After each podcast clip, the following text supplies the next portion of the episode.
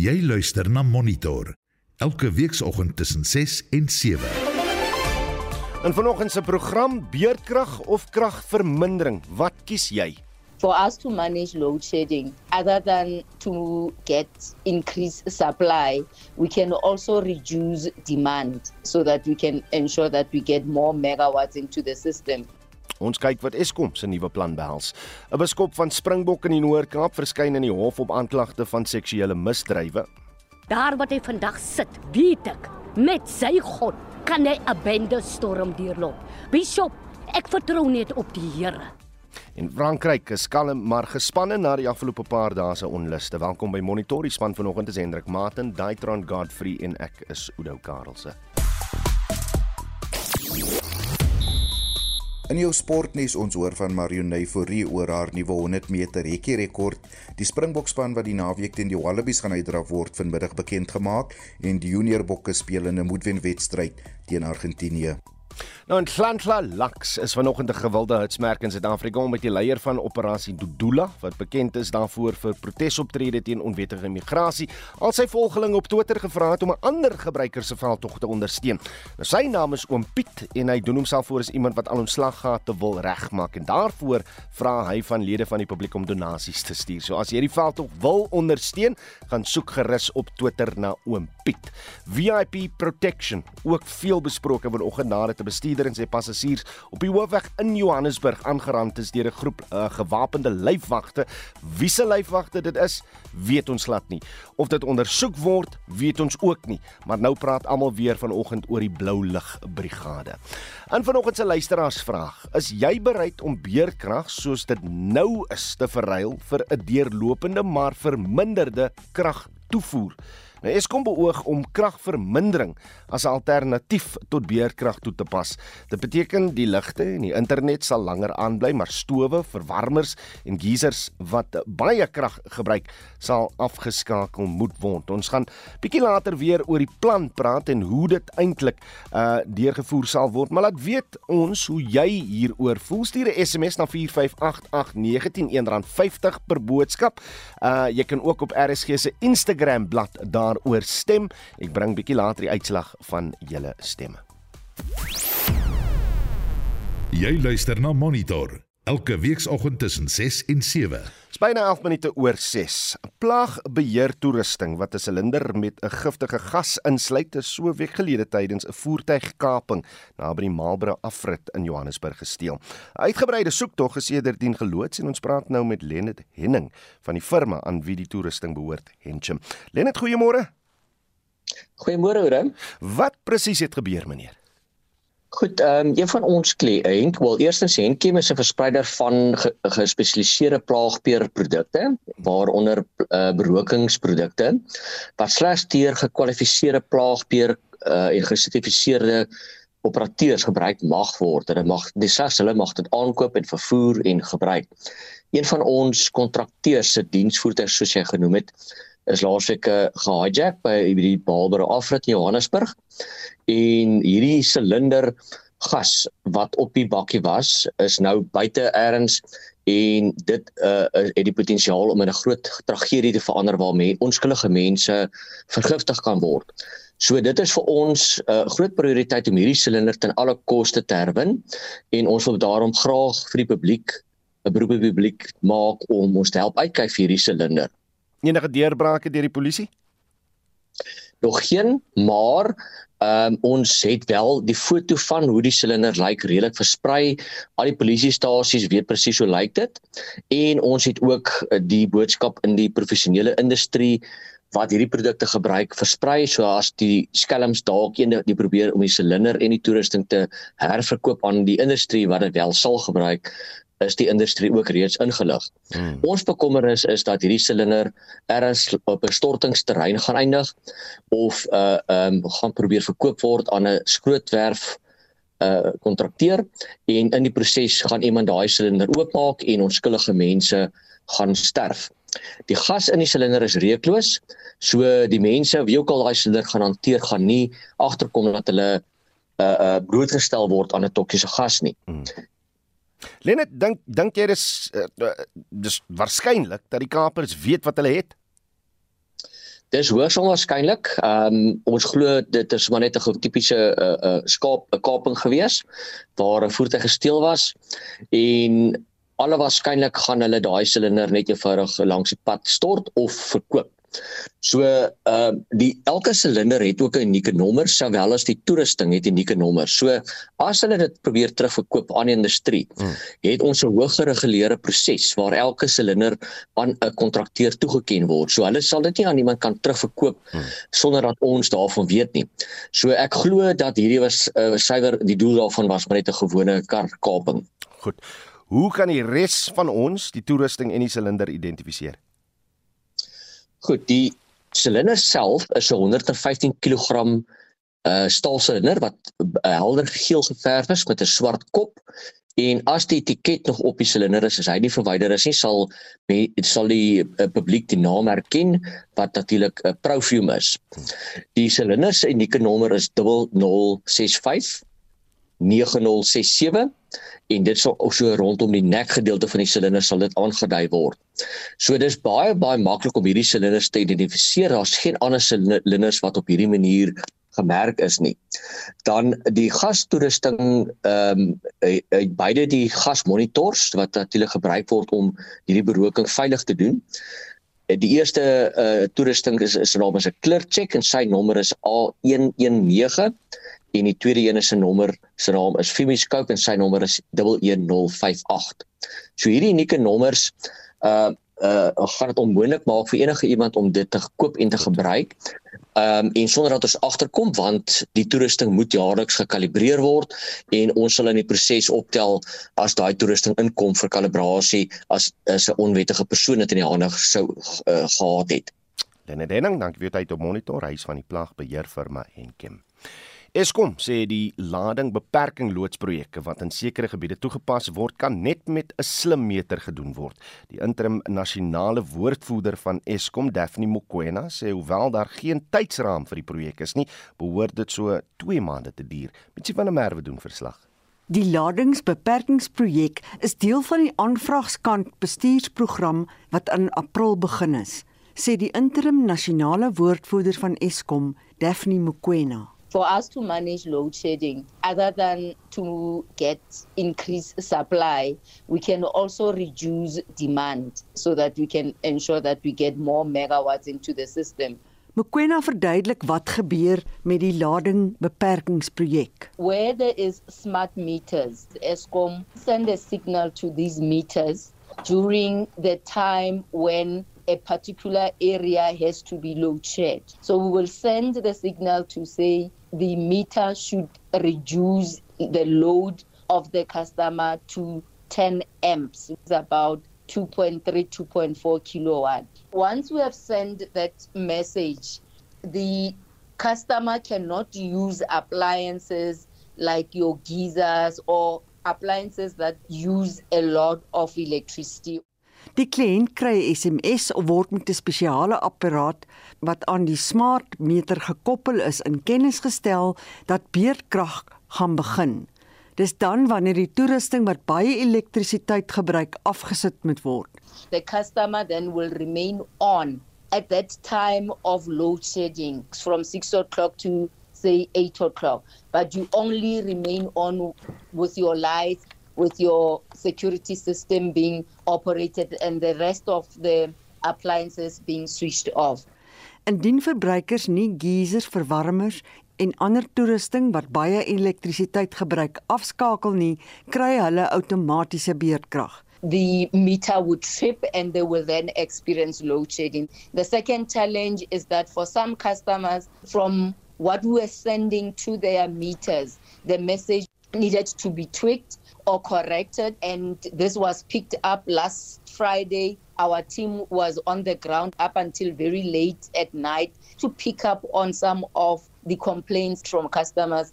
Die verkeerde sein wat Eskom aanvanklik uitgestuur het, is volgens Mokwena reggemaak. If as a customer you are still not benefiting from this load limiting, then you can call our call center or you can inform us on our app so that we can follow up on what is happening. But before you do that, just try and check if you have tripped all those appliances that we are high energy intensive consuming appliances. Die DA raadslid van Wyk 94 in Johannesburg, Dave Foley, waar die meeste van die lading beperkingsprojek getoets word, het onlangs 'n openbare deelname byeenkoms gehou. The suburbs mentioned were Beverly, Craighaven, Dainford Valley, Douglasdale, Fourways, Loneal, Magaliesberg, Witkoppen and a part in Midrand, Barbecue Downs. The invite probably went out to about 10,000 contacts, and unfortunately, only about 30 residents attended, although there are some excellent electrical engineers that asked the relevant questions. Eskom was well represented. The meeting lasted about two hours, where 95% of the questions were answered, but there was also still lots to be experienced with the project. Die probleme wat ondervind is, het die volgende ingesluit. The project went live on the weekend of the 23rd to the 25th of June 2023, and there were a few challenges as follows residents' power would become non responsive and it would need to be reset at the Eskom box on the street, which is normally locked, and the residents' lights would flash on and off continuously. On Thursday, the 29th of June, I met a team of Eskom technicians at one of the sample complexes to try and rectify the challenges. Van die uitdagings is glo met nuwe sagte ware op die smart meters reggestel.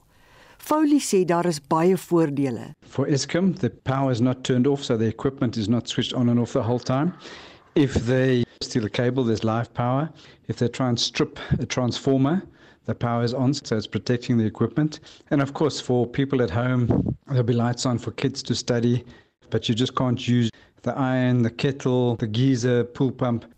David Foley is die raadslid vir Wyk 94 in Johannesburg wat op 6 Julie weer 'n inligtingsessie hou by die Indaba Hotel in Fourways. Mitsi van der Merwe, SAK nuus. Die motorhandelvereniging NAMSA sê daar was 'n toename van 14% oor die afgelope jaar in nuwe motorverkope. So wat 10% aan die uh, voertuig uitverhuuringsmark, 85% hiervan is deur motorhandelaars verkoop, 3,5% aan die regering en 3% aan die korporatiewe maatskappye se vloot. Nou uitvoersyfers het egter in dieselfde tyd met uh, tydperk met 12,6% gedaal. Ons praat nou met professor Karel van Aart van die Buro van Marknavorsing. Karel, goeiemôre. Goeiemôre. Is die opswaai 'n nuwe motor of voertuigverkope bietjie van 'n verrassing vir jou want die verslag sê ook dat die totale koste van voertuig-eienaarskap voortdurend gestyg het in hierdie periode.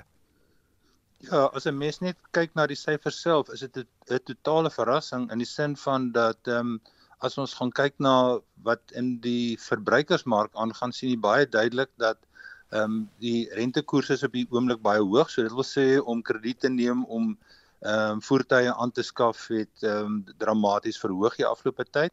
Ehm um, die ekonomie is baie plat, so dit wil sê is is dat ehm um, beide verbruikers en besighede het minder geld om um, voertuie aan te koop en hulle hulle het ook 'n minder ehm um, noodsaaklikheid vir nuwe voertuie en dit is veral interessant hierso dat jy het dat ehm um, veral ook jou ligte voertuie ehm um, soos bakkies en so aan het ehm um, ook ehm um, toegeneem in in gewildheid en dan het ons natuurlik ook nog 'n geval dat jou beide jou verbruikersvertroue en jou ehm um, besigheidsvertroue het dramaties afgeneem. So alles van daai goeie sê vir jou een ding dat mense minder voertuie gaan aankoop. So dit is hoekom dit uh, op die eerste oog af lyk soos 'n groot verrassing en onthou net dat jou my ehm um, um, 2023 syfers in vergelyking met jou Mei 2022 syfers was ook al hoër toe. Mm, mm. So die oomblik as 'n mens so tipe van 'n swart swaan in die ekonomie sien,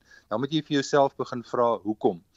En ehm um, miskien moet ons bietjie net uh, terugdink aan Mei ehm um, 2022 en Junie 2022. Mm. Onthou dit was daai tye wat daai geweldige vloede was wat daar in KwaZulu-Natal was en die Toyota fabriek was byvoorbeeld ges, gesluit gedurende daai periode en Toyota is een van jou topverkopers in Suid-Afrika. Mm. So dit verklaar as ware hoekom jy 'n basiseffek het. Dit wil sê dat dit lyk op die eerste oogopslag of asof daar 'n totale ommekeer in die ekonomie is, maar eintlik wanneer jy gaan kyk na die persentasie groei, ehm um, was dit um, in vergelyking byvoorbeeld wat dit was in 2021, ehm um, was dit beslis nie so hoog op nie.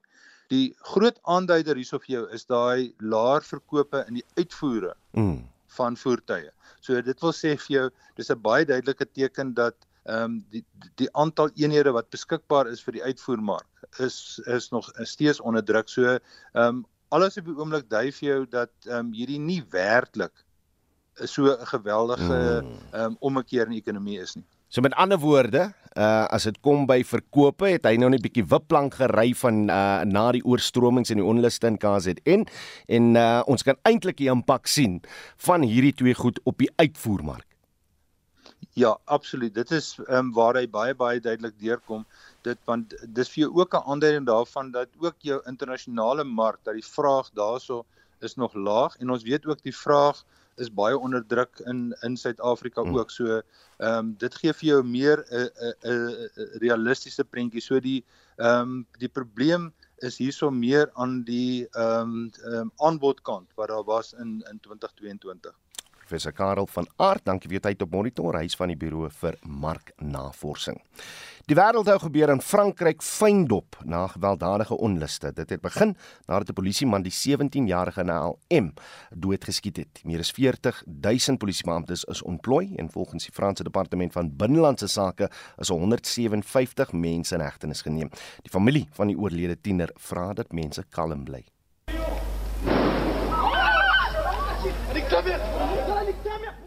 Gewelddadige onluste is nie ongewoon in Frankryk nie. Terwyl die situasie nou kalm, maar meer gespanne is, was daar heelwat vernietiging. Motors is uitgebrand, winkels geplunder, huise is afgebrand terwyl regeringsgeboue en polisiestasies ook geteken is. Niks was buite die bereik van die oproeriges nie. Die president van Frankryk, Emmanuel Macron, vra dat mense kalm bly. Die onrus het in Nanterre begin, 'n werkersklasdorp aan die westelike buitewyke van Parys waar die 17-jarige Nahel M doodgeskiet is. Dit het bestaande ontevredenheid met polisieoptrede in arm rasvermengde voorstede op die rand van groot stede in Frankryk laat opvlam. 'n woordvoerder van die kantoor van die hoë kommissaris van menseregte, Ravin Shamdashani, sê polisieoffisiere moet nie buitengewone mag teen betogers toepas nie. We also emphasize the importance of peaceful assembly. We call on the authorities to ensure use of force by police to address violent elements in demonstrations always respects the principles of legality, necessity, proportionality, non-discrimination, precaution, and accountability. Any allegations of disproportionate use of force must be swiftly investigated. Die Verenigde Koninkryke en China is van die lande wat hulle burgers gereeld waarsku om in Frankryk op hulle hoede te wees. But I'm surprised just this morning to see that there's been some arson attacks by the looks of things down the road here in the centre of Paris, and also um, this store here that's been broken. Is this the Westfields, Westfield Shopping Centre? Yeah, so I'm a bit concerned that it's come right in the centre of Paris. Yeah, I've always known about French protest culture, but seeing uh, something like this, uh, a looting of a store, surprised me. As um, I've always known of French culture to be very vibrant about protests and um, looting didn't really factor into this. So I think this was very new for me to see. Racism and like uh, like problems like with the police and like minorities. It's like yeah, it's important uh, important topic going on, and yeah, it's important to like address address it and stuff. President Macron het krisisbestuurvergaderings gehou en sy kabinetslede gevra om maatreëls te tref wat sosiale orde sal herstel. Dit is nadat die polisiebeampte wat die tiener geskiet het formeel ondersoek word. Die Taba Totetsi het hierdie verslag saamgestel. Mitsi van der Merwe, SAK-nuus. Ons bly by die storie en praat nou met Jaco Kleinhans van Solidariteit se afdeling vir internasionale betrekkinge. Jaco, goeiemôre. Goeiemôre Oudo. Stem jy saam dat dit 'n een gebeurtenis is, die dood van HM, wat die wydverspreide onluste laat opvlam het?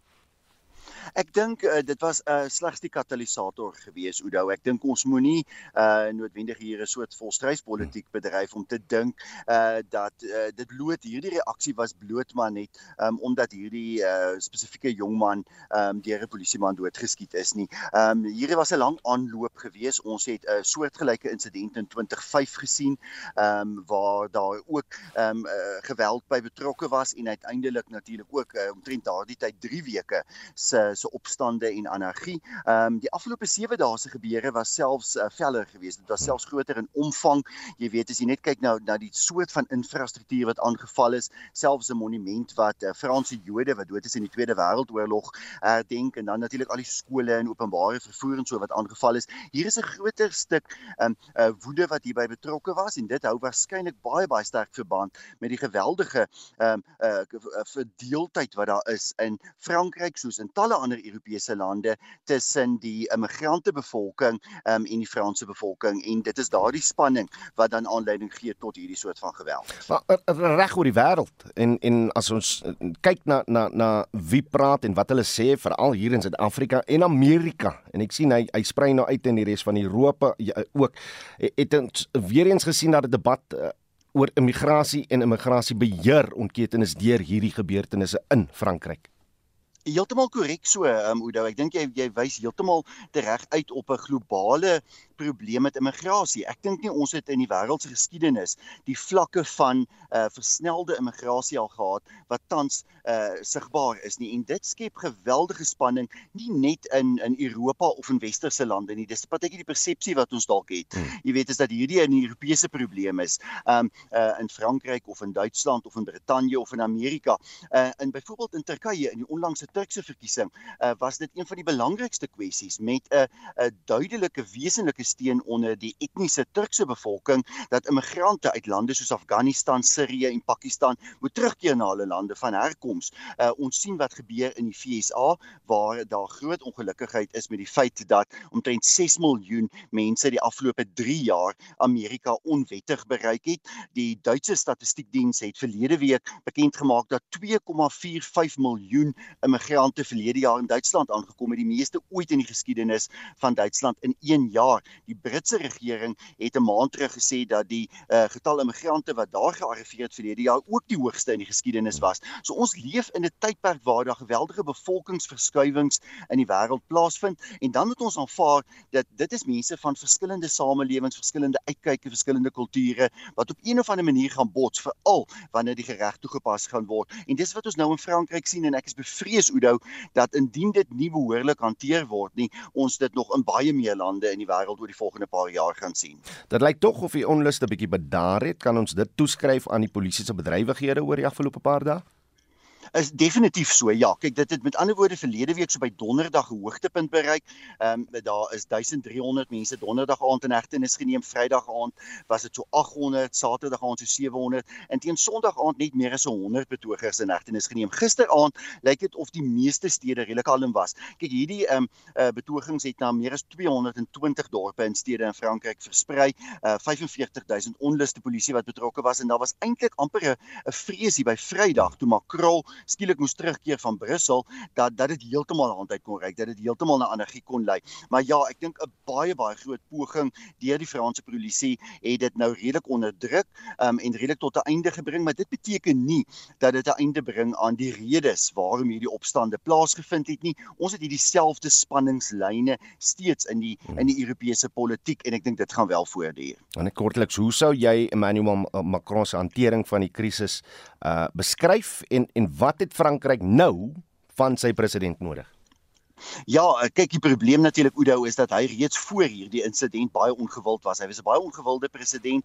As jy nou kyk na peilings dan sê 'n meerderheid van die Franse bevolking dat hulle vir die regse Marine Le Pen sou stem as die verkiesing weer moes plaasvind. So jy sit eintlik met 'n president met min politieke kapitaal. Sy strategie was 'n baie streng polisieeringsstrategie, um onderdruk die opstande, um bring dit onder beheer en wys dat jy in beheer van die land is. Dit is wel baie goed. Ek dink hy moet 'n uh, baie dringende um gesprek gesprek voer in Frankryk oor hoe uh die integrasie van immigrante hanteer gaan word, hoe immigrasie in die toekoms hanteer sal word, want dit is wat die Franse eintlik graag wil hê. Dit is dis baie duidelik dat die Franse bevolking soek 'n oplossing vir die vir die wyse waarop immigrante uiteindelik in die samelewing geïntegreer word. Jaco Kleinhans is van Solidariteit se afdeling vir internasionale betrekkinge.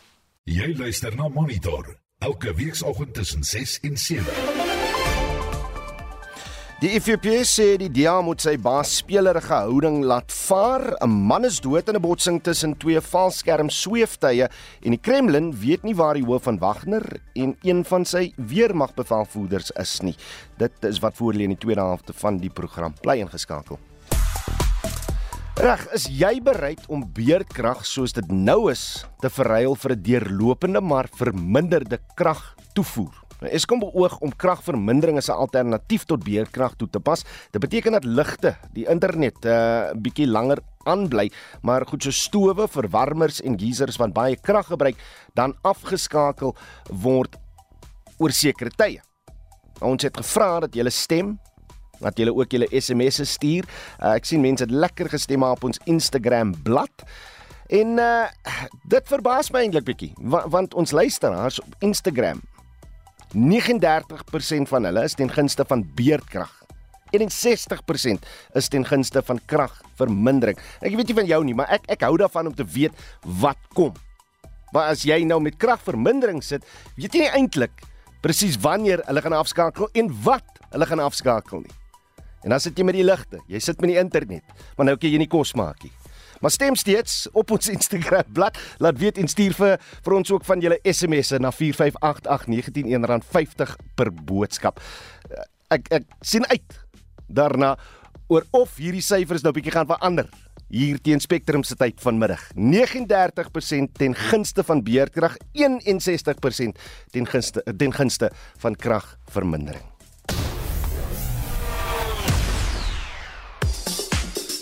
Reg is dit tyd vir die jongste sportnuus. Jody Hendriks uh, sluit by ons aan. Jody, goeiemôre. Môre Oudo Karelse. Die Springbokspan wat Saterdag teen Australië gaan uitdra word vanmiddag bekend gemaak. Ek weet wie my keuse is vir kaptein, maar wat dink jy gaan uh, gebeur?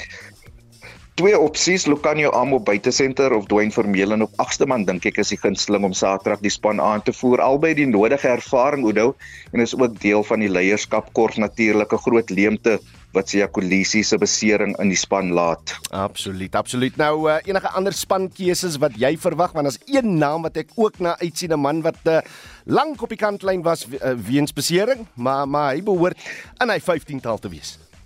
Ja, ek dink RG Snyman wat 2019 laas vir die Bokke gespeel het, um, hy gaan uh, soveel speelkans as moontlik van jaar kry. 'n Interessante slotmaat moontlik vir hom, Jean Klein wat al toetsrugby vir Ierland gespeel het, maar dan moontlik die naweek sy debuut vir die Bokke kan maak. Dan ook 'n interessante skakelpaar, vyf skram skakels en net twee fikse loskakels in die groep, so ek dink 'n moontlike verrassing op 9 en 10. Maar my geld sal op Kobus Reinagh en Manuel Bok wees om Saterdag te begin hoedou. Ja, en dis 'n interessante uh skakelpaar daar reg. Ons bly by rugby. Die junior Bokke speel vanmiddag. Hulle moet eenvoudig, hulle moet teen Argentinië wen vandag. Ja, die wedstryd word op die Athlone Stadion gespeel en al kaptein Paul de Villiers sê 'n bonuspunt sege is vanmiddag baie belangrik vir hulle in die wedstryd. Nee, ek dink ons speel ons speel na Argentinië wat omtrent baie dieselfde is as as ons vorige wedstryde. 'n Span wat energie kry uit hulle vaste fasette uit wat 'n trotse nasie, 'n nasie wat speel vir mekaar. So ons gaan moet gereed wees en ons gaan moet van van minuut 1 af met alles kom. So ons ons gaan nie noodwendig uit om vir drie druk definitief wil ons die wedstryd wen, maar ons gaan liewer uit om by ons by ons stelsels te bly glo en en in daai stelsel hopelik vir drie te kan druk. Reg nou Wimbledon toe waar gister so een of twee skokke gelewer het uh, en dan wil ek ek vra watter groot wedstryde lê vandag voor? Ja, gister opskudding die 43-jarige en 5-malige kampioen Venus Williams skoonstelle 6-4 en 6-3 deur Elena Svitolina vasgeval dan vanmiddag 12 uur op baan 2 die 5de gekeerde Griek Stefano Tsitsipas teen Dominic Thiem van Oostenryk en Thiem tans 90ste in die wêreld maar hy was al so hoog as nommer 3 en dit word as een van die grootes in die eerste ronde by Wimbledon beskou ook ons eie Lloyd Harris Hy is vanmiddag in aksie en sy opponent is Grégoire Barrère van Frankryk. Hy is wat deesdae ook as dubbelspeler namaak, maar vanmiddag in die enkelspel gaan hy in aksie wees, Oudo. Reg, waar nie 'n skof 4 van die Tour de France ons vandag? Ja, van Dax na Nagro gery 182 km. Adam Yates van Groot-Brittanje is die algehele voorloper wat die geel trui dra en hy en sy eh, tweelingbroer Simon Yates word uh, vanjaar as twee van die gunstelinge in die resies beskou. En dan het jy ook met die nuwe vroue 100 meter hekkies rekordhouer Marion Fourie gepraat. Ja, die 21-jarige Fourie wat Sondag aand in Switserland die rekord van 12,55 sekondes opgestel het, het uit Nederland aan my erken dat die prestasie vir haar ook 'n skok was Sondag aand. Dit was definitief 'n wonderlike experience geweest. Ingestap in daai event en gedink, ek gaan 'n 12-7 hardloop en nie hoë verwagtinge gestel vir myself nie, maar ek het maar net gefokus op myself en gefokus op wat ek moet doen in daardie reis om my volle potensiaal te kan hardloop. Ek dink die adrenalien was bietjie, dit was nogals ook hoog, so ek het maar net die kans gevat en soos wat ek kan my bes te probeer. En toe was my beste 1255 en ek het dit regtig nie verwag nie want ek het in my kop besluit okay 1275 of 127 of 126. Maar toe ek 1255 hardloop, toe was ek verskriklik verskriklik baie gelukkig. Ek kon dit nie glo nie. Ja, die die gevoel is baie dis onbeskryflik. Ek kan nie beskryf hoe dit voel nie.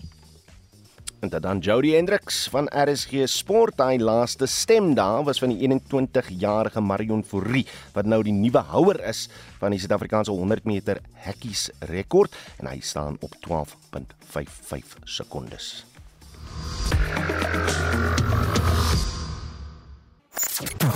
Jy luister na Monitor. Elke weekoggend tussen 6 en 7.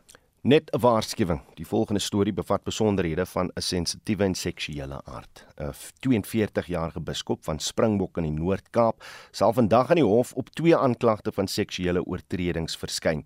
Die bewering is dat hy 'n 17-jarige seun gedwing het om 'n seksuele daad uit te voer en dat hy die slagoffer ook gedwing het om so 'n daad aan te skou. Die beskuldigde verskyn in die hof na verlede week in hegtenis geneem is. Sy arrestasie volg na glo seks met die 17-jarige seun by die kerk gehad het. In Springbok gons dit nou onder die inwoners met mense soos Roland Brandt wat wonder waar dit gaan eindig. As ek nou voel, as ek mag sê, soos ek moet voel vir 'n jong mens. As dit reg is vir my is dit tragies om vir daai kinders te voel as ek nou sulke kinders het want ek het nog nie kinders nie want ek as 'n kind is gesien as van God af as 'n blessing. Maar in steen geval is as ek moet sê is as dit vir my baie seer dat daai kinders dit seer moet vat. Terwyl sommige inwoners geskok is weet anders soos Celestine Versag nie of hulle die beweringe moet glo nie. Ek het nog nie so goed gevoel daaroor nie omdat hy mos nou op die is.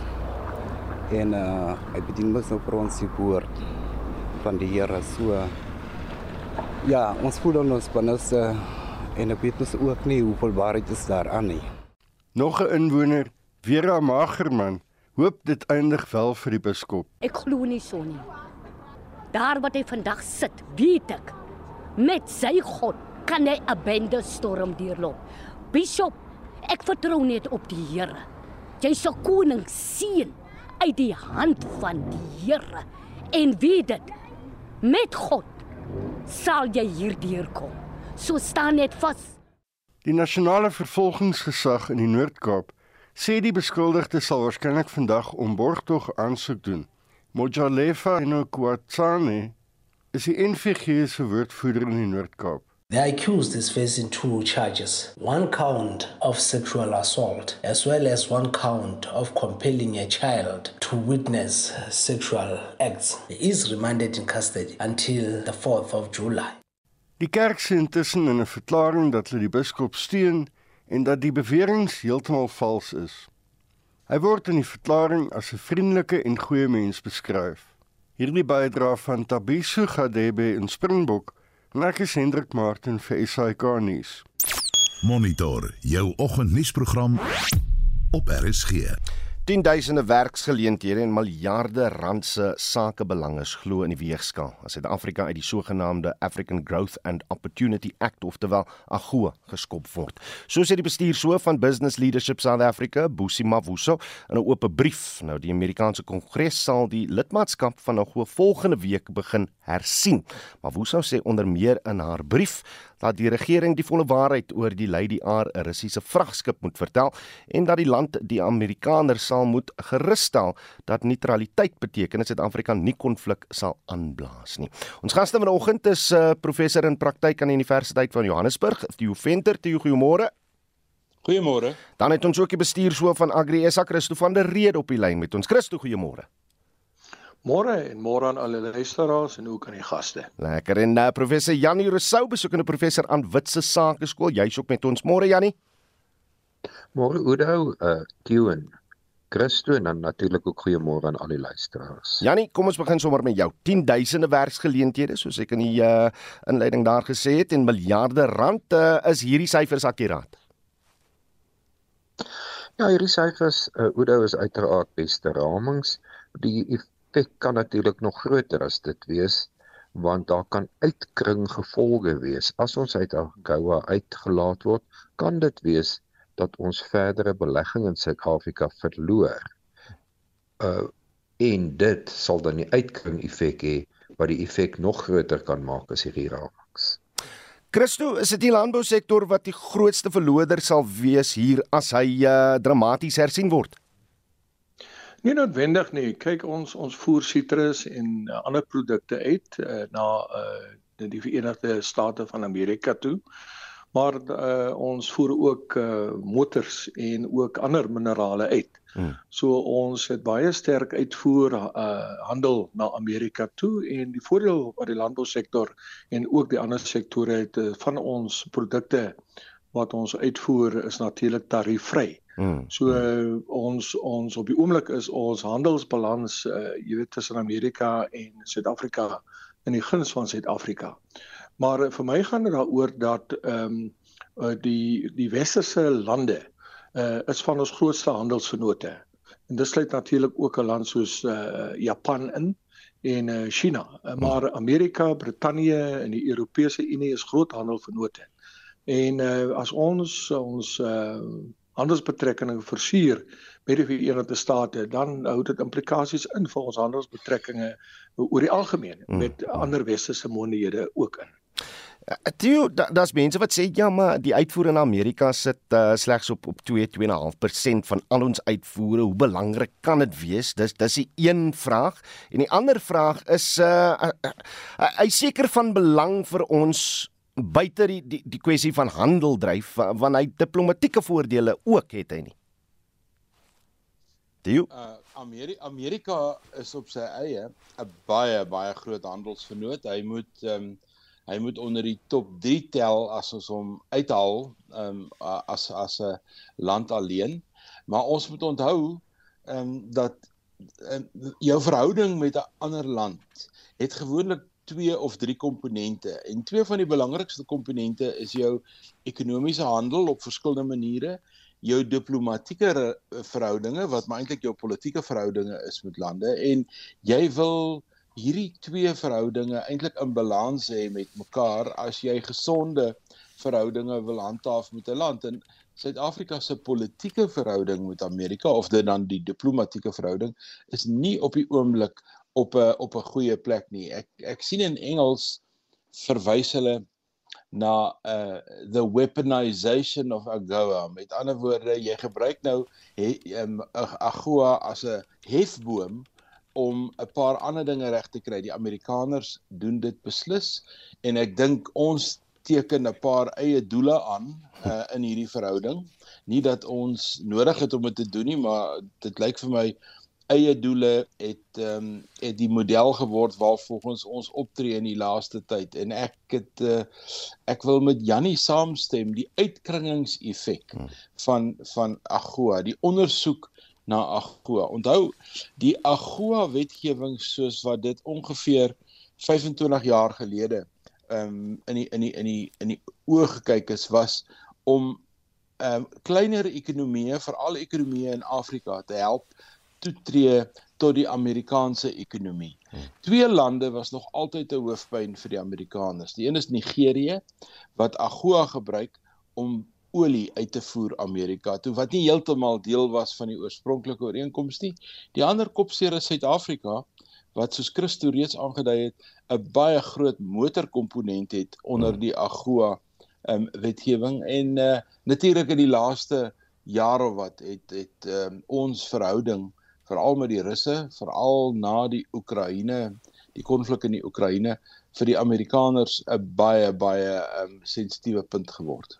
Christo, dink jy die regeringshantering van die Lady R Russiese vragskip storie sou die Amerikaners gerus gestel het? Man dit dit is dit is dit gaan oor veel meer. Onthou ons is vasgevang in 'n geopolitiese uh spel. En uh dit gaan oor keuses maak. Hmm. En ongelukkig ehm um, is Suid-Afrika ehm uh, jy weet op kabinetsvlak verward. Want jy het uh minister Ibrahim Patel aan die een kant wat uh jy weet ehm uh, hoeveel delegasies al oorgestuur het om met die Amerikaners te praat En dan natuurlik het jy na Larry Pandor aan die ander kant wat sê maar ons wil ons nie laat gijslaar hou nie. Hmm.